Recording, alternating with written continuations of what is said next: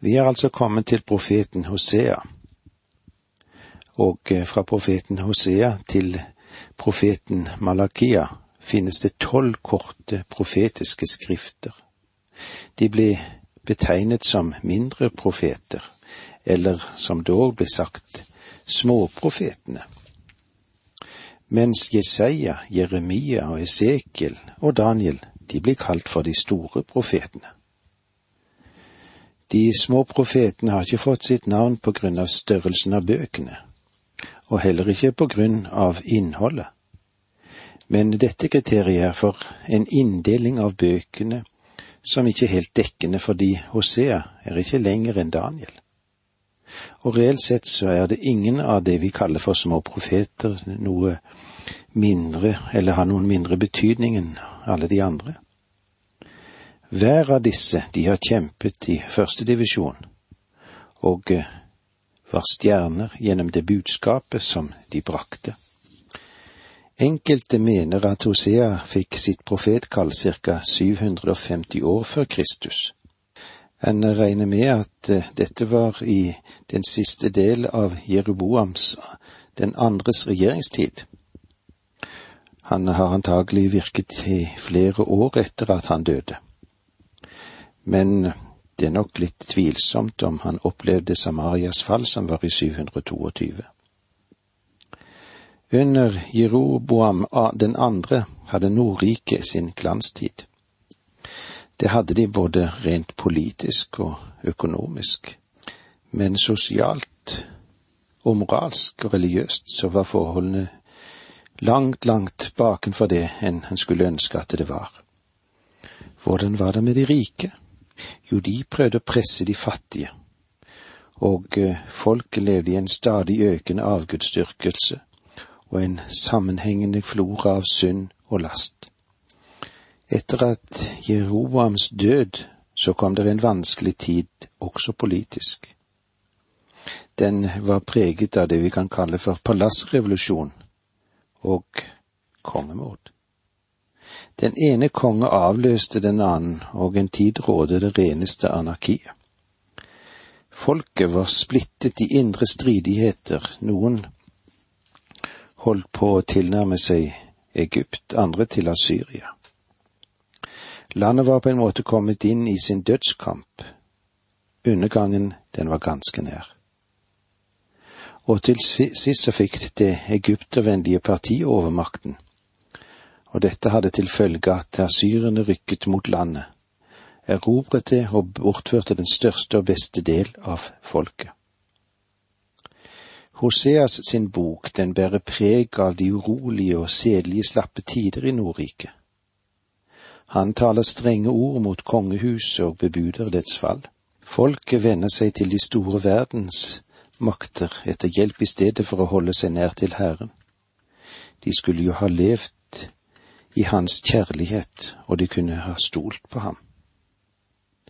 Hosea-boken faller i to deler. De tre første kapitlene handler om profetens ulykkelige ekteskap, mens de øvrige elleve kapitlene gjengir hans forkynnelse. Fremstillingen, den er lyrisk og full av stemninger. Neppe noen annen profet har benyttet seg av så mange og treffende bilder. Hoseas fikk befaling fra Gud om å gifte seg med en horkvinne, som fødte ham tre horebarn, en sønn og to døtre. Disse fikk på Herrens ord symbolske navn. De navnene vil vi komme tilbake til litt seinere. Men det er litt delte meninger om hvordan disse profetens familieforhold skal forstås om de er å oppfatte som allegoriske eller som historisk virkelighet. De fleste tolkerne anser det siste som det mest sannsynlige, mens hele fremstillingen samtidig klart avspeiler Israels gudsforhold. Folket levde åndelig talt i de verste former for utroskap. Gudsdyrkelsen var utvortes. Det var ingen sann kjærlighet til Israels Gud og ingen virkelig gudskunnskap, mens derimot avgudsdyrkelsen den florerte som aldri før. Profeten må forkynne Guds dom, som snart ville fullbyrde dersom folket ikke vender om. Hans forkynnelse er fylt av lidenskap. Hans stemme er snart dirrende av harme, snart blandet med gråt. Mer enn noen annen profet så ligner Hoseas på Jeremias. Guds kjærlighet til folket danner bakgrunn for Hoseas sin forkynnelse.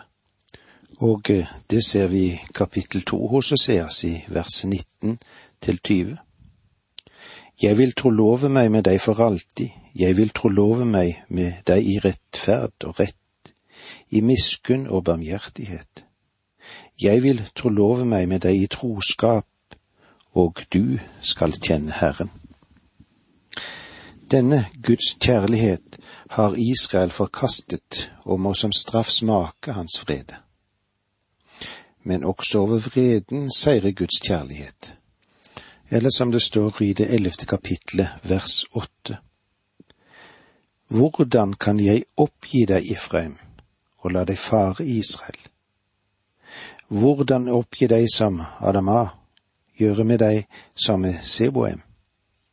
Hjertet vender seg i meg, all min medlidenhet våknet. Som profeten ikke kunne gi opp sin utro hustru, kunne heller ikke Herren gi opp sine utvalgte, dette utro folket. Hosea-boken, den munner ut i et kall til omvendelse og et løfte om nåde. Jeg vil lege deres frafall, jeg vil elske dem av hjertet, står det i kapittel 14, 14,5. Det skal komme en ny og herlig tid for Guds folk. Hoseas han regnes som Nordrikes eneste skriftprofet.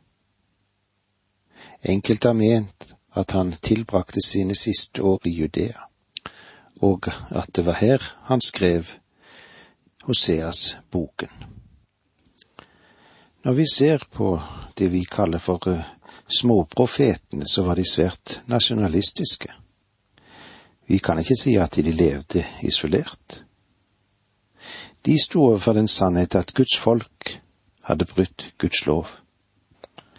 Dette understreker eller nødvendighet å streke under gjerninger, de gode gjerninger. Og derfor har de som i særlig grad ønsker å fremme et sosialt evangelium, ja, de har funnet rike materialer her iblant småprofetene. Men uheldigvis er det noen som har mistet hovedbudskapet som disse profetene ønsket å bære frem. Noe av det møter vi når vi kommer inn i denne mektige boken på en måte som Hosea har gitt oss. Småprofeten advarte mot gudløse allianser med andre folkeslag. De var ytterst patriotiske og fordømte politisk og moralsk korrupsjon.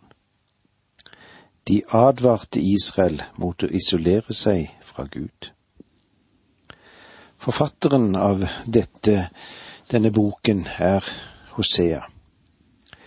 Han levde under det delte rikets tid han var, som tidligere sagt, profet i det nordlige riket som ble kalt Israels kongedømme, adskilt fra Sydriket, som ble betegnet som Judariket. I det første verset i denne boken så leser vi slik.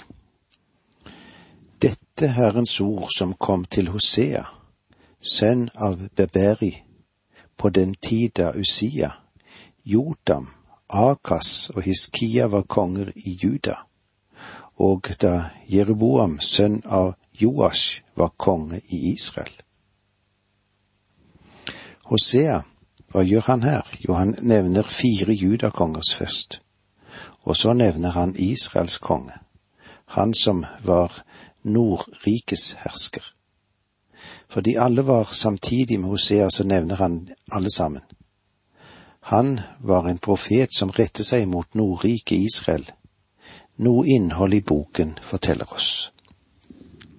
Men det er mange ting å komme inn på, og eh, det var så langt vi maktet å komme i dag.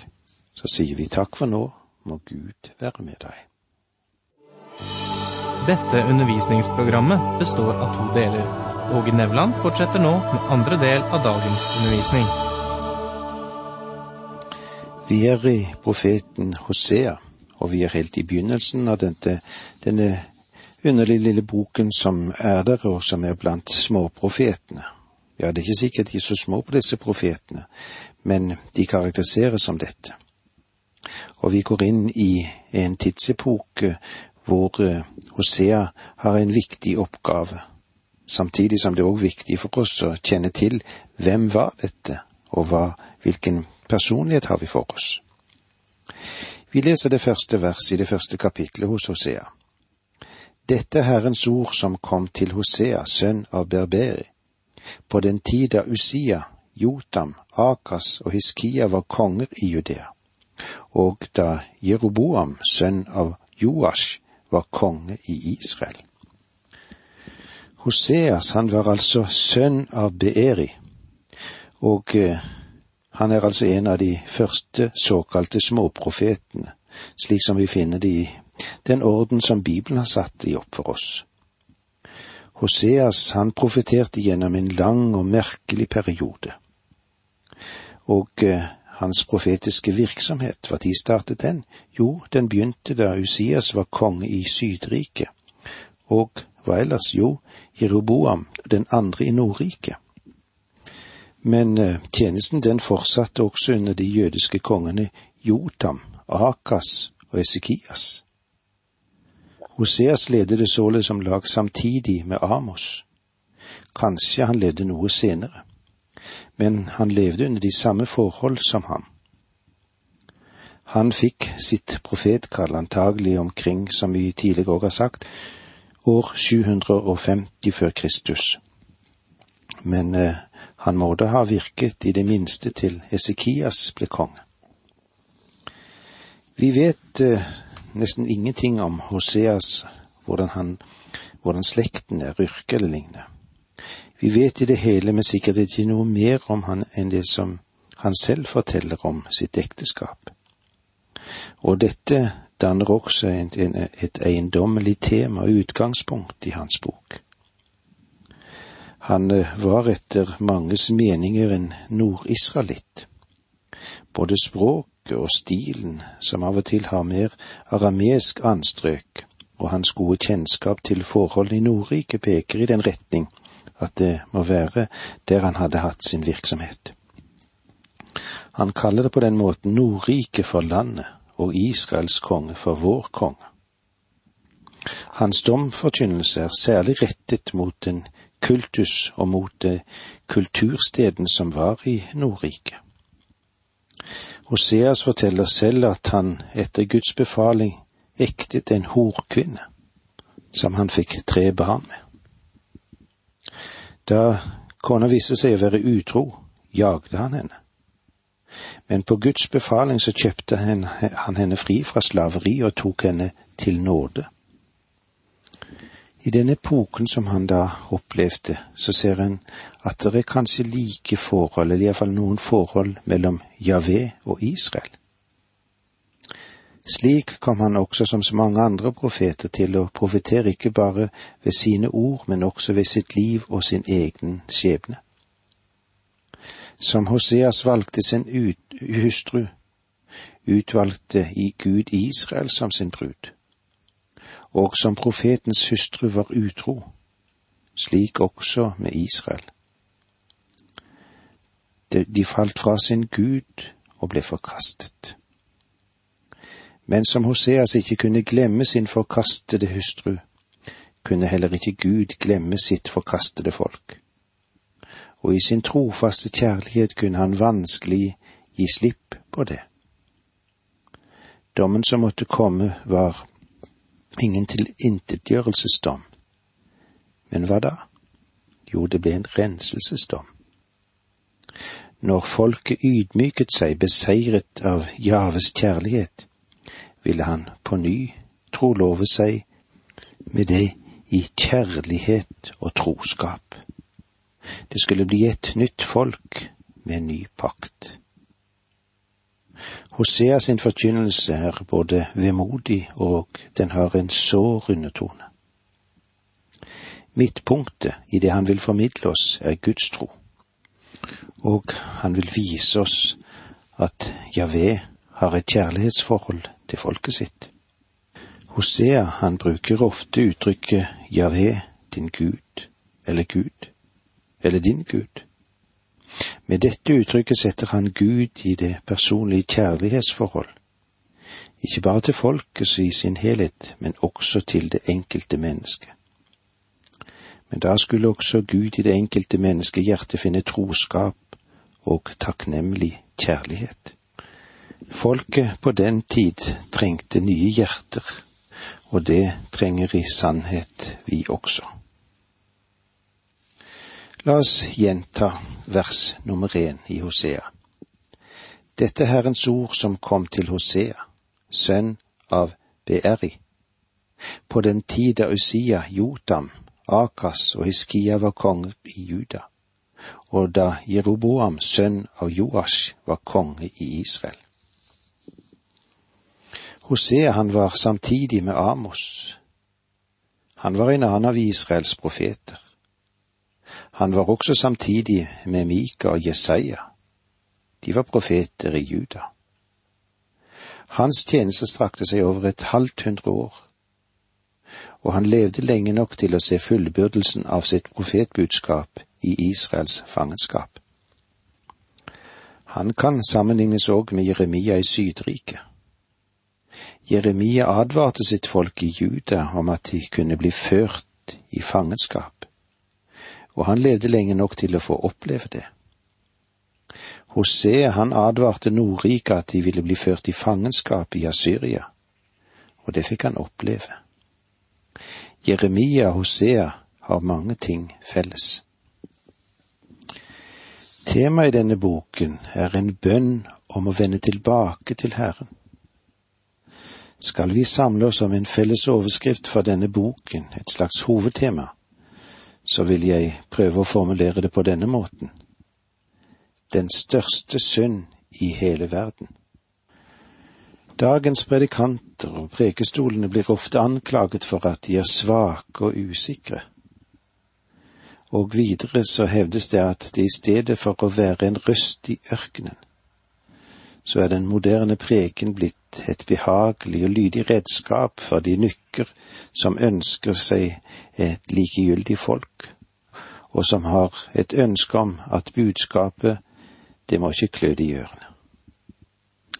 Om den anklagen er sann, og det kan vel i visse tilfeller være belegg for det, så er det fordi prekestolen nøler med å ta opp livets store temaer og denne nølende holdning fødes av et ønske om å unnslippe kritikk, og så er en redd for å bli for nærgående overfor sarte sjeler. Oftere kan årsaken være en feig frykt for å møte livets brutale realiteter, og de mange påtrengende spørsmål som foregår i tiden.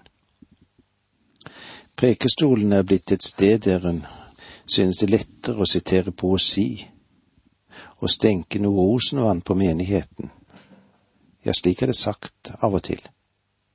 Den lever i et skyggeland i stedet for å si tro på den Herre Jesus Kristus, så skal du bli frelst. Men det finnes andre fora, slik som teatre og spesielle publikasjoner og media som tar opp livsspørsmålet slik det fremkommer, kanskje ribbet for all staffasje. Disse hjelpemidler som brukes for å nå og undervise de store masser, tar hanskene av og brytes med de problemene vi til daglig står ansikt til ansikt med. Så modig er ikke prekestolen. Den har unngått disse temaene. Men når vi nå er kommet til profeten Hosea, så kan vi ikke unngå å ta opp problemer og temaer som er i livet. For eh, det er historien som ligger bak overskriften i denne profetens budskap. Dette er ikke noen vakker historie, men vi må forstå den om vi skal kunne forstå Hoseas sitt budskap. Historien bak Hosea sine profetier er tragedien om et ødelagt hjem. Hosea sin personlige erfaringer er bakgrunnen for hans budskap. Han stiger frem fra et ødelagt hjem for å tale til nasjonen fra et hjerte som holder på å knuses. Han visste nøyaktig hvordan Gud kjente det, fordi han kjente det samme. Hjemmet er selve basisenheten i samfunnet, og det har det vært for alle folkeslag. Gud har gitt menneskeslekten hjemmet, og det gjorde han helt fra begynnelsen av, helt fra mennesket kom til denne jordkloden, hvor mennesket startet sin tilværelse på jorden. Det er den viktigste enhet i disse, den sosiale struktur. Hjemmet er for samfunnet hva atomet er i det fysiske univers. Det lille atomet er blitt kalt for universets bygningssten, og hjemmet, det er samfunnets byggesten. Bygningens karakter og farger bestemmes av den enkelte sten som føyes inn i dette byggverket. Ikke noe samfunn er sterkere enn de hjem som utgjør dette samfunnet. For hjemmet bestemmer fargen og sunnheten i samfunnet. Hjemmet er den sammenholdende lenke for nasjonen, og for hver enkelt lenke så er dette viktig. Og det var så langt vi kom i dag. Takk for nå må Gud være med deg.